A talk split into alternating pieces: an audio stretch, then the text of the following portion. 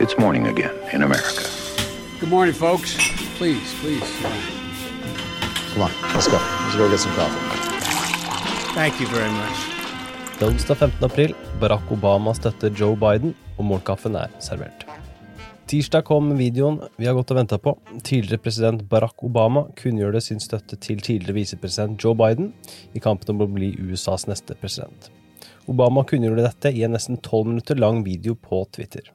The kind of leadership that's guided by knowledge and experience, honesty and humility, empathy and grace. That kind of leadership doesn't just belong in our state capitals and mayor's offices, it belongs in the White House. And that's why I'm so proud to endorse Joe Biden for President of the United States. Choosing Joe to be my vice president was one of the best decisions I ever made, and he became a close friend. And I believe Joe has all the qualities we need in a president right now.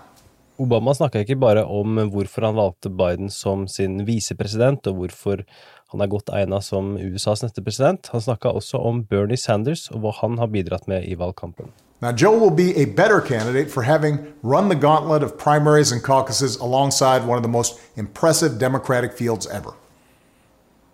Each of our candidates were talented and decent, with a track record of accomplishment, smart ideas, and serious visions for the future.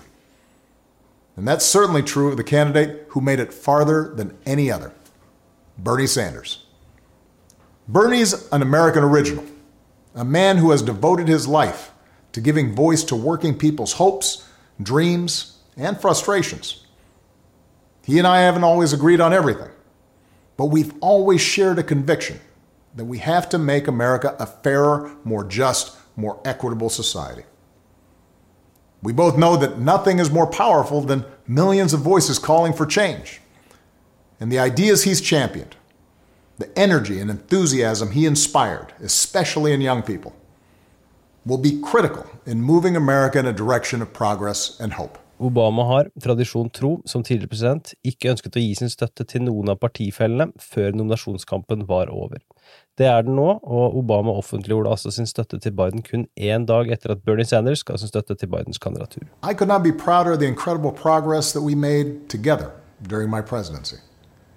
But if I were running today, I wouldn't run the same race or have the same platform as I did in 2008. The world is different. There's too much unfinished business for us to just look backwards. We have to look to the future. Bernie understands that, and Joe understands that. It's one of the reasons that Joe already has what is the most progressive platform of any major party nominee in history.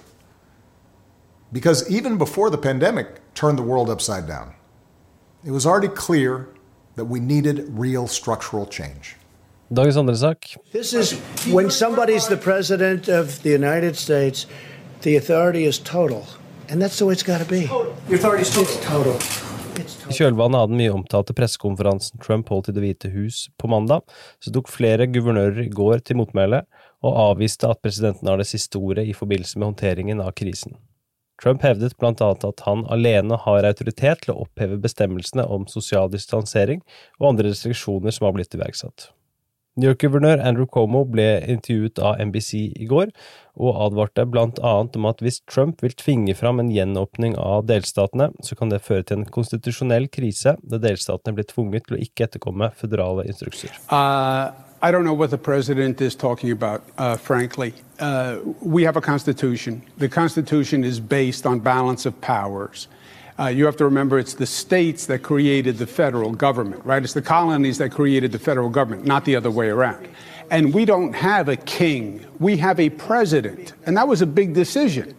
We ran away from having a king, and George Washington was president, not King Washington. So the president doesn't have total authority. The Constitution is there, 10th Amendment is there, number of cases over the years, it's very clear. States have uh, power by the 10th Amendment, uh, and the president is just wrong on that point. Dagens utgave av Morgenkaffen er servert av Vilde Ørnung og undertegnede Are Togplaten. Du leser mer om disse og andre saker på amerikanskpolitikk.no. Look, if he pushed it to that absurd point, uh, then we would have a problem.